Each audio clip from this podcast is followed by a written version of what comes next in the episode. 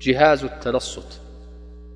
بلغت التقنية الحديثة ومخترعاتها مبلغا وصل في بعضها حد اللعب بكرامة الإنسان أو استغلاله في إهدارها. ومنه ما يقوم به فرد من الناس باستعمال جهاز التنصت ونقل المكالمات لا سيما غير المغطاة ويقضي ساعات ليله ونهاره في الفرجة على أحاديث الناس وما يجري بينهم دون علم منه وهذا محرم لا يجوز. سواء عرف المتهاتفين أم أحدهما أم لم يعرفهما.